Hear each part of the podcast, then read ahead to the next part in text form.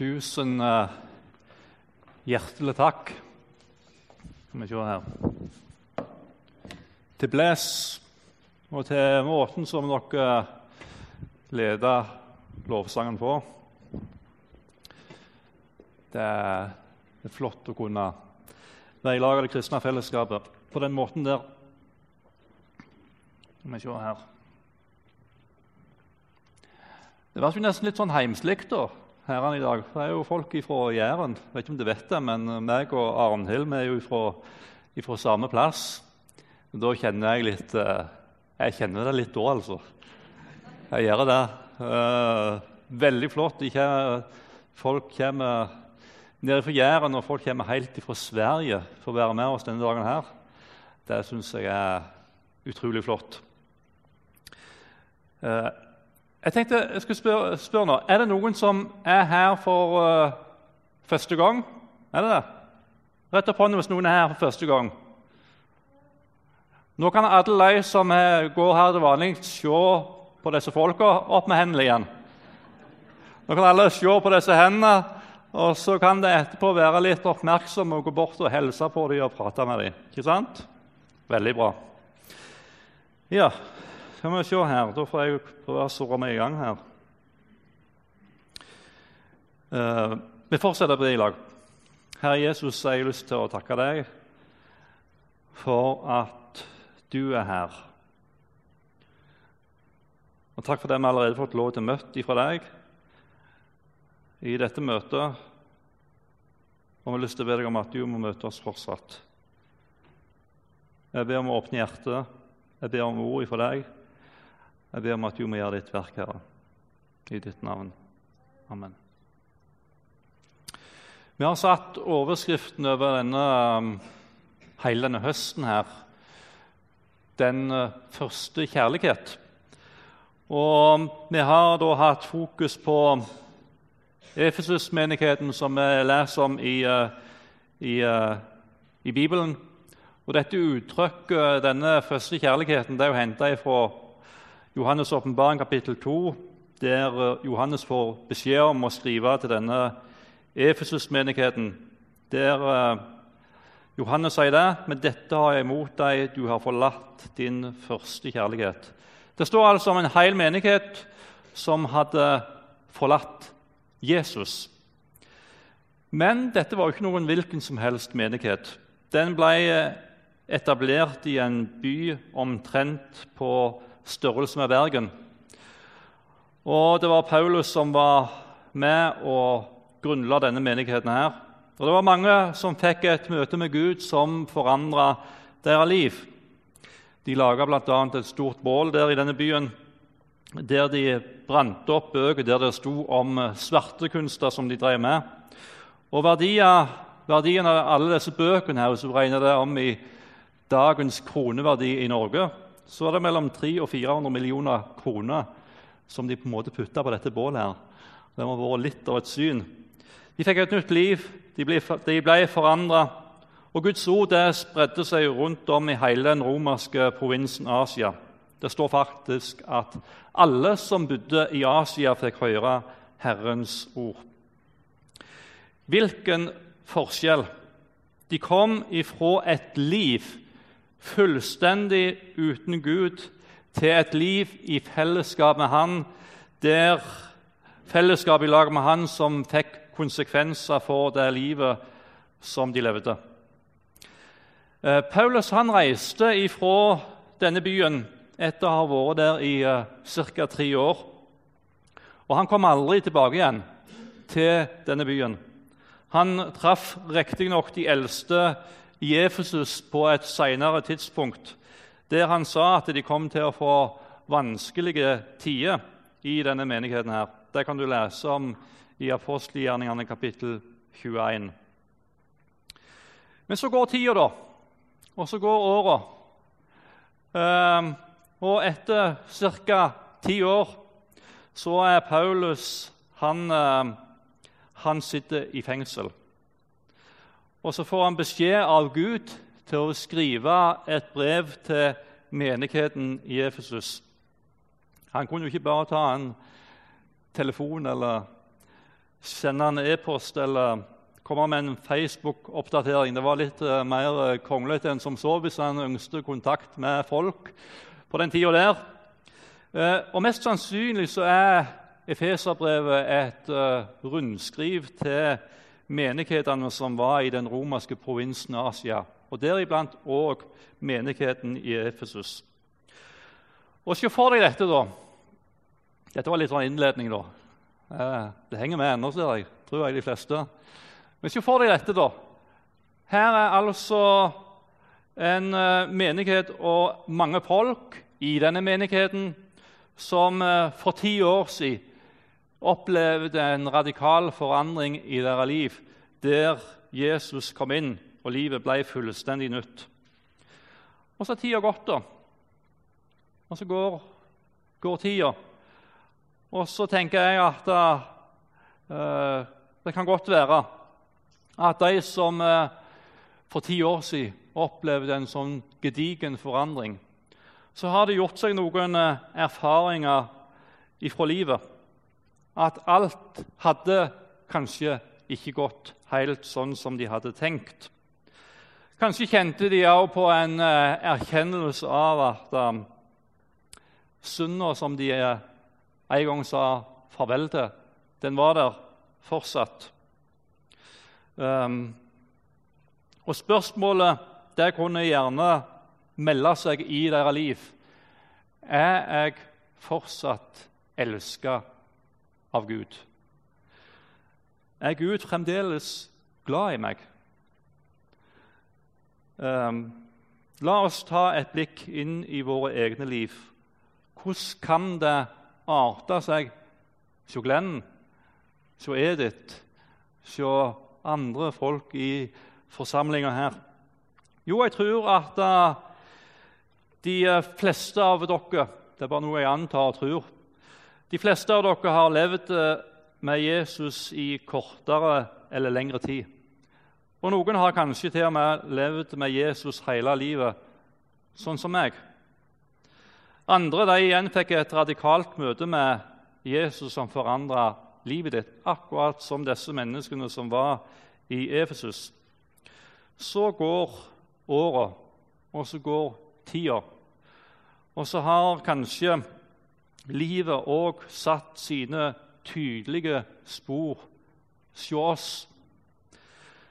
For noen av dere ble fristelsen for stor til å tråkke over ei grense du aldri skulle ha tråkket over. Det være seg utroskap i ekteskap eller utroskap i forhold til forvaltning av penger. Nå, dette er nå bare hiver jeg ut noen ting her, altså. Eh, jeg kjenner ikke livet deres. Det, det kan jo være bra, det, for så vidt. Men så kan det òg være at noen av dere har opplevd at uh, alkoholen har tatt tak i livet ditt. Um, ikke at, en, ikke at, folk tror at du er en alkoholiker, men du kjenner en avhengighet i forhold til alkohol. Um, det kan være seg halvsannheter som blir sagt for å unngå ubehageligheter, og som egentlig var løgn. Altså halvsannheter, det er egentlig løgn.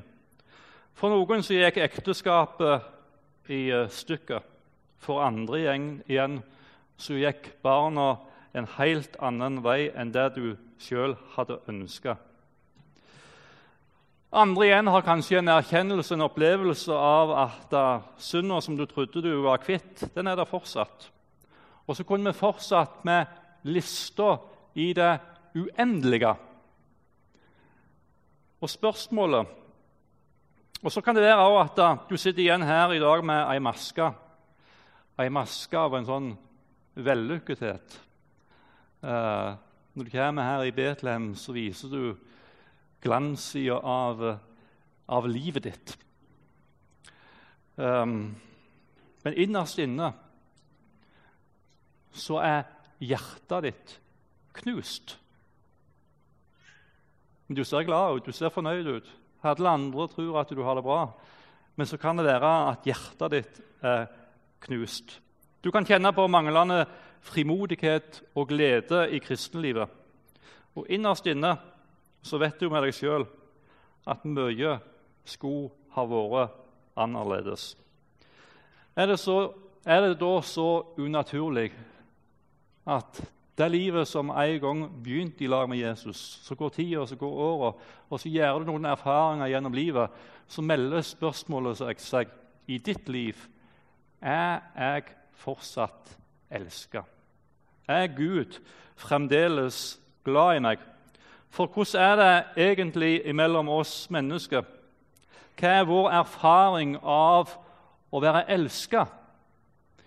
Jo, den menneskelige måten å elske på er at du er glad i andre mennesker fordi de er verdt å elske ut ifra det de gjør. De som er snille imot deg, de er du stille imot igjen. De som inviterer deg til middag, inviterer du til middag. Um, og, og, hvis det er noen da som får øye på livet si bakside for tror det finnes det en bakside alle våre liv.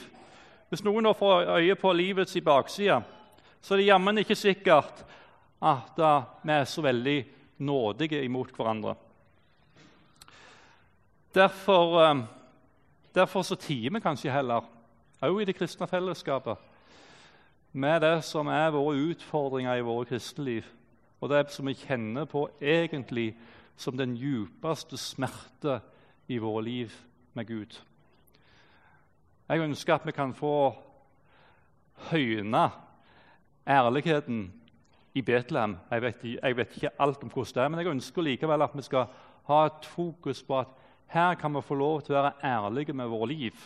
Her kan vi få lov til å dele den djupeste smerten som vi kan kjenne på, hva det enn skal være. Og at vi kan legge hendene rundt hverandre og be for hverandre og gå noen steg i lag med hverandre.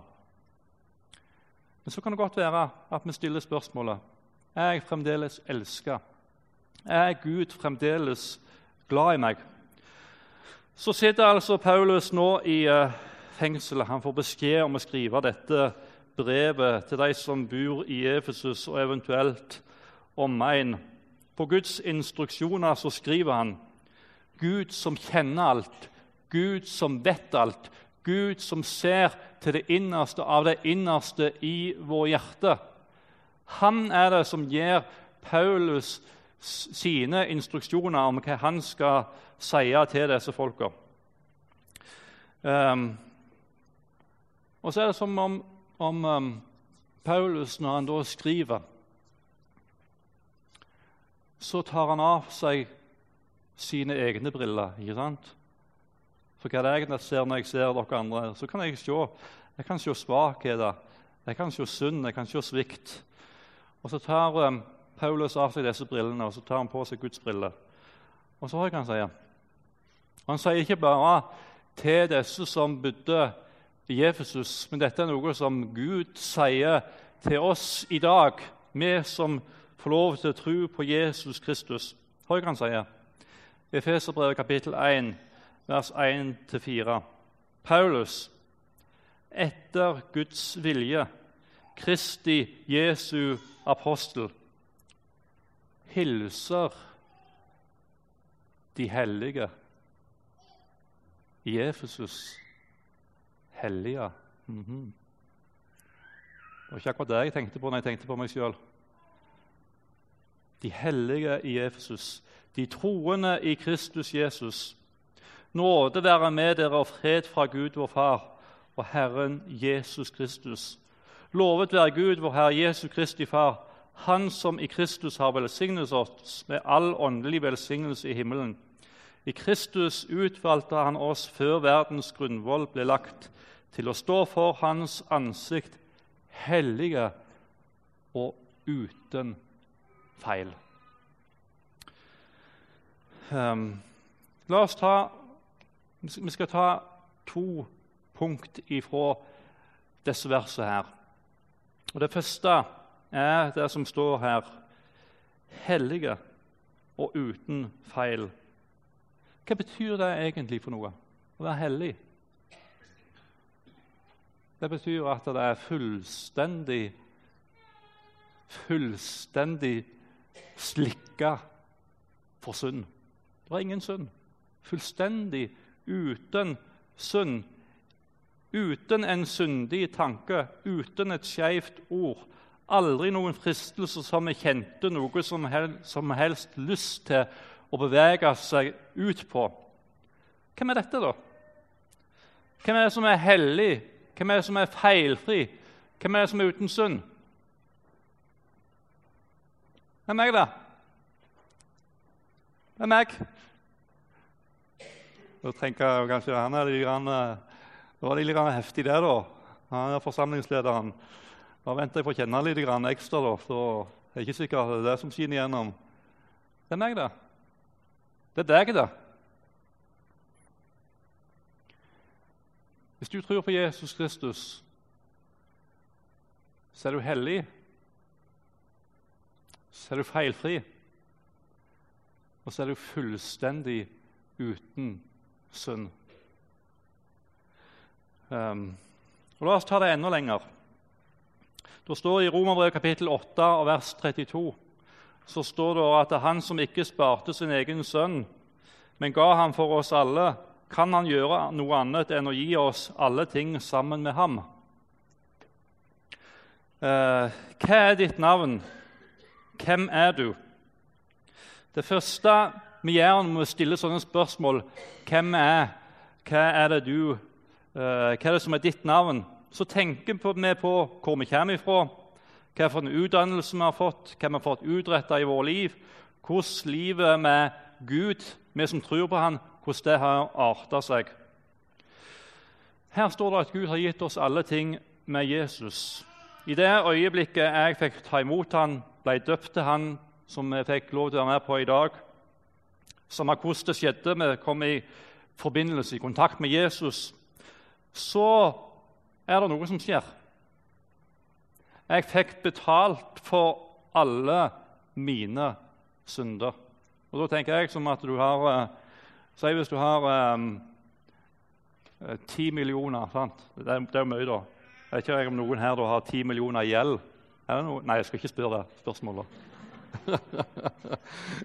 Men si hvis du har ti millioner gjeld, sant?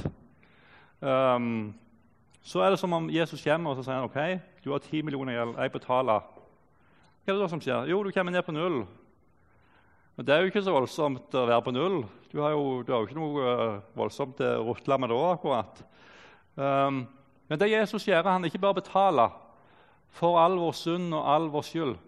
Men han plusser på ti millioner til, hvis du henger med i bildet. da. Jeg har fått alt med Jesus. Jeg har ikke bare fått um, betalt gjelda mi, men jeg har fått alle ting med Jesus. Det står mange plasser i Bibelen at uh, våre liv er skjult med Kristus i Gud, og at Kristus, han er vårt liv. Um, da, nå skal Jeg ta, det her ganske, jeg syns dette er ganske heftig, da, synes jeg selv, i hvert fall, når jeg tenker på mitt eget liv. Når du da leser gjennom evangeliene Jeg har tenk at jeg har fått alle ting med Jesus. Alt det Jesus gjorde, det er mitt. Det sier vi ofte. Nå skal det bli ganske konkret for deg. Når du da leser gjennom evangeliene om alt det som, alt det som Jesus gjorde eh, Han gikk rundt og helbreda syke. Det var jeg, det. Det var jeg. Han gikk rundt og gjorde godt imot andre mennesker. Det var meg, det. Det er mitt liv. Han eh, tenkte aldri en eneste syndige tanke. Det er meg, det. Han eh, kom aldri med et skeivt ord. Det er meg, det. Så når Gud ser på meg, hva er han ser da? Tror han kjenner på en sånn eh, Ja, ja vel, han Glenn han, ja, han har noen ting han sliter med, han. Er det sånn Gud ser på meg? Når Gud ser på meg, så hopper han av glede. Når Gud ser på meg, så kjenner han at det, det er en glede i hans, i, i hans tanke. Hans liv, Jesus sitt liv, det er mitt liv. Dette er sånn som Gud ser det ifra sitt perspektiv. Ehm, de er hellige. De er elsket av Gud. De er feilfrie. De er uten synd. Er ikke det flott? Jeg kjenner på en utrolig takknemlighet til Jesus for at uh, jeg får lov til å ha en sånn frelser. Ikke bare som skriver null, men som plusser på. Og så kan jeg få lov til å kjenne på en takknemlighet og glede. og så er det et annet uttrykk som har vært brukt her. Um, hva sto her, Anna? Nåde være med dere og fred fra Gud, vår Far står det her. Nå er jeg far til fire gutter, og det er jammen ikke alltid uh, at de gjør det som jeg ønsker at de skal gjøre. Uh, jeg vet ikke om noen andre foreldre har erfaring med det, men det er iallfall uh, en erfaring i vår heim.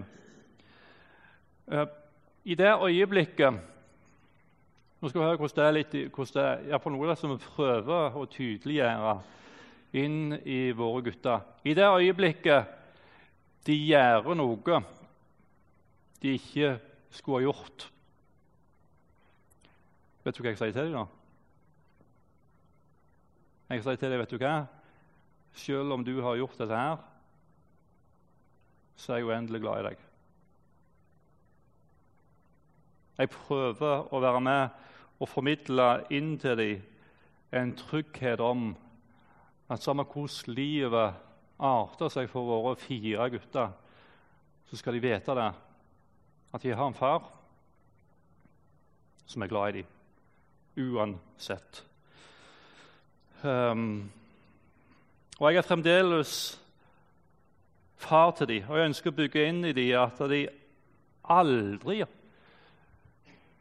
trenger å være redd for å si at jeg har gjort noe som ikke er bra. Hvis du forteller meg at uh, Det er jo ikke alltid like enkelt. da. Jeg vet ikke hvordan du opplever det som foreldre, men det er ikke alltid like enkelt. Men det er det jeg prøver å bygge inn i dem. Og sier det til dem at samme hva du har gjort, så vil jeg at du skal fortelle meg det. Du skal vite at pappa er glad i deg. Um, Gud, han er vår far. En far som er mye bedre enn jeg noen gang kommer til å være overfor mine barn.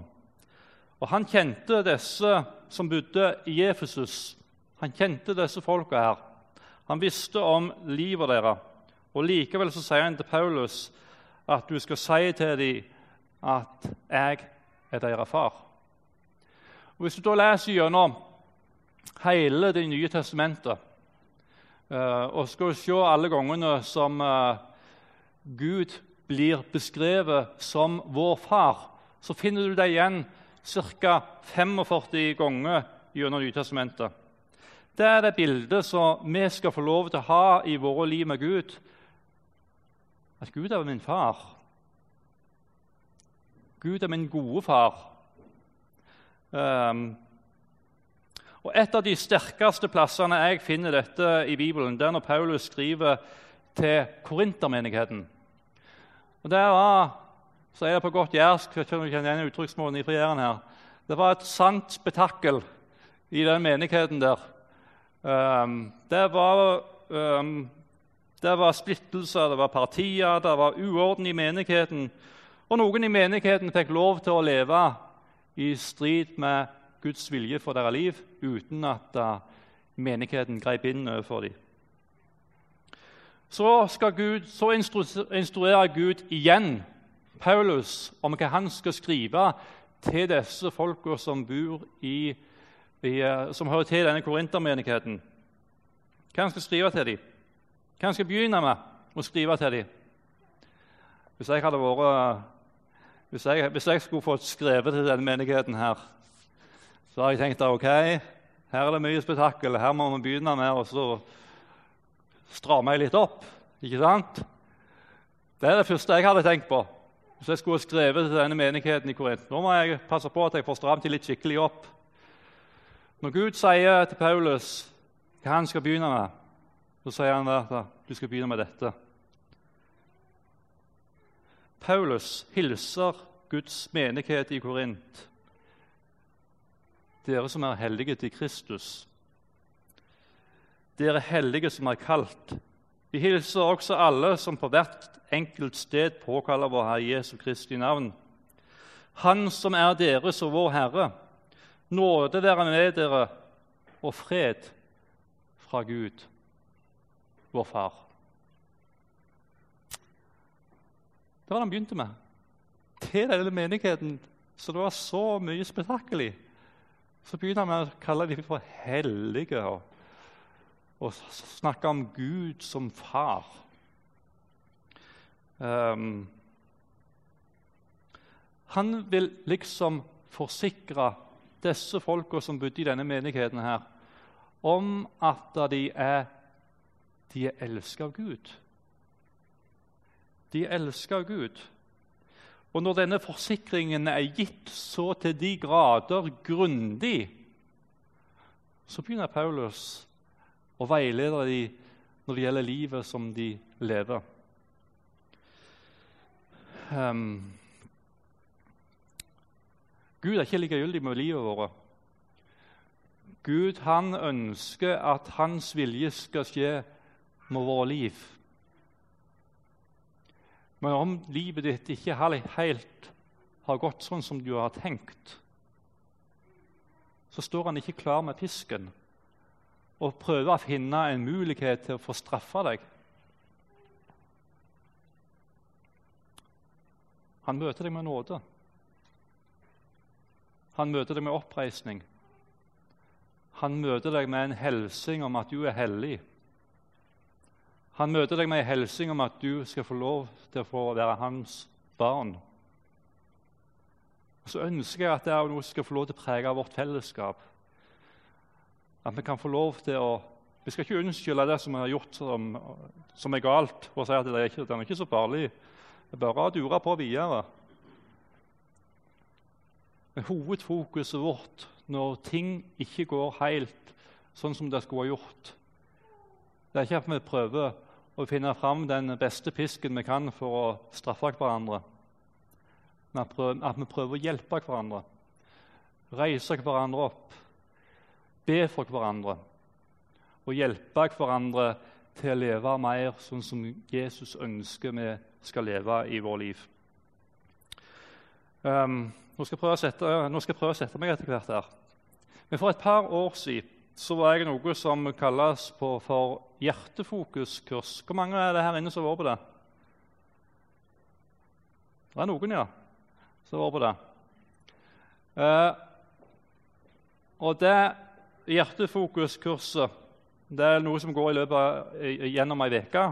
Og Hovedbudskapet på dette kurset er at vi skal få lov til å erfare enda mer hvor høyt elska vi er av Gud. Og det å få lov til å ha ei uke der en bruker tid på å være i lag med Gud og være i det kristne fellesskapet med det fokuset, det gjør noe med han. Og det gjorde noe også med meg. Og en av de tingene vi gjorde i løpet av, av eh, denne veka, var at vi skulle si disse setningene til hverandre. Vi setter oss i lag to og to. Og så skulle vi si disse setningene til hverandre. Vi har jo hva vi skulle si.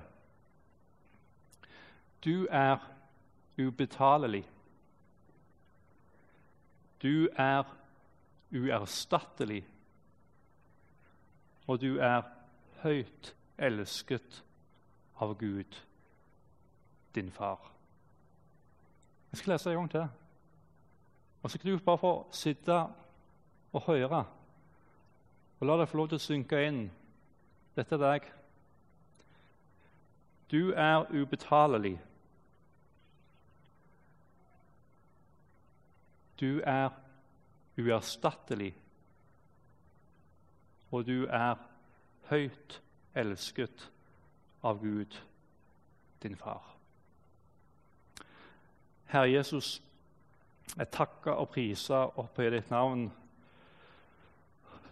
for den du er, Herre Jesus. Takk for at jeg får lov til å leve i lag med deg. Takk for at jeg får lov til å være hellig, feilfri og uten synd. Og takk for at jeg skal få lov til å kalle deg, Gud, for min far. Ære og prise opphøye ditt navn, Herre Jesus. For at jeg skal få lov til virkelig kjenne og erfare at du er en god far. Og så kjenner ikke jeg livet til alle de som sitter her, Jesus. Men du, eh, du kjenner hver enkelt. Og du vet, eh, du vet, hvor, du vet om den smerten som enkelte kan kjenne på akkurat nå. Takk for at eh, når vi får lov til å tro på deg, så er vi hellige. Vi er feilfrie. Vi er uten synd. Og du er vår far. Og så skal vi få lov til å starte der og få lov til å erfare at vi elsker deg. Og så håper jeg, ber Herre Jesus om at vi i vårt eh, kristne fellesskap her i Betlehem kan få lov til å være ærlige med hverandre og si at dette er min kamp i mitt kristenliv. Og så at vi kan få lov til å legge hendene rundt hverandre, be for hverandre og være med å hjelpe hverandre, Herre, til et liv i etterfølgelse av deg, Herre. Takk for at du aldri møter oss med en pisk over ryggen, Herre. Aldri står det i Bibelen om at du møter, møtte noen med en pisk over ryggen. Du møtte alle mennesker med nåde og oppreisning og et nytt liv. Og Det møtet med deg det forandra livet deres. her. Det fikk en ny retning, det fikk en ny kurs. Herre Jesus, vær med oss i ditt navn.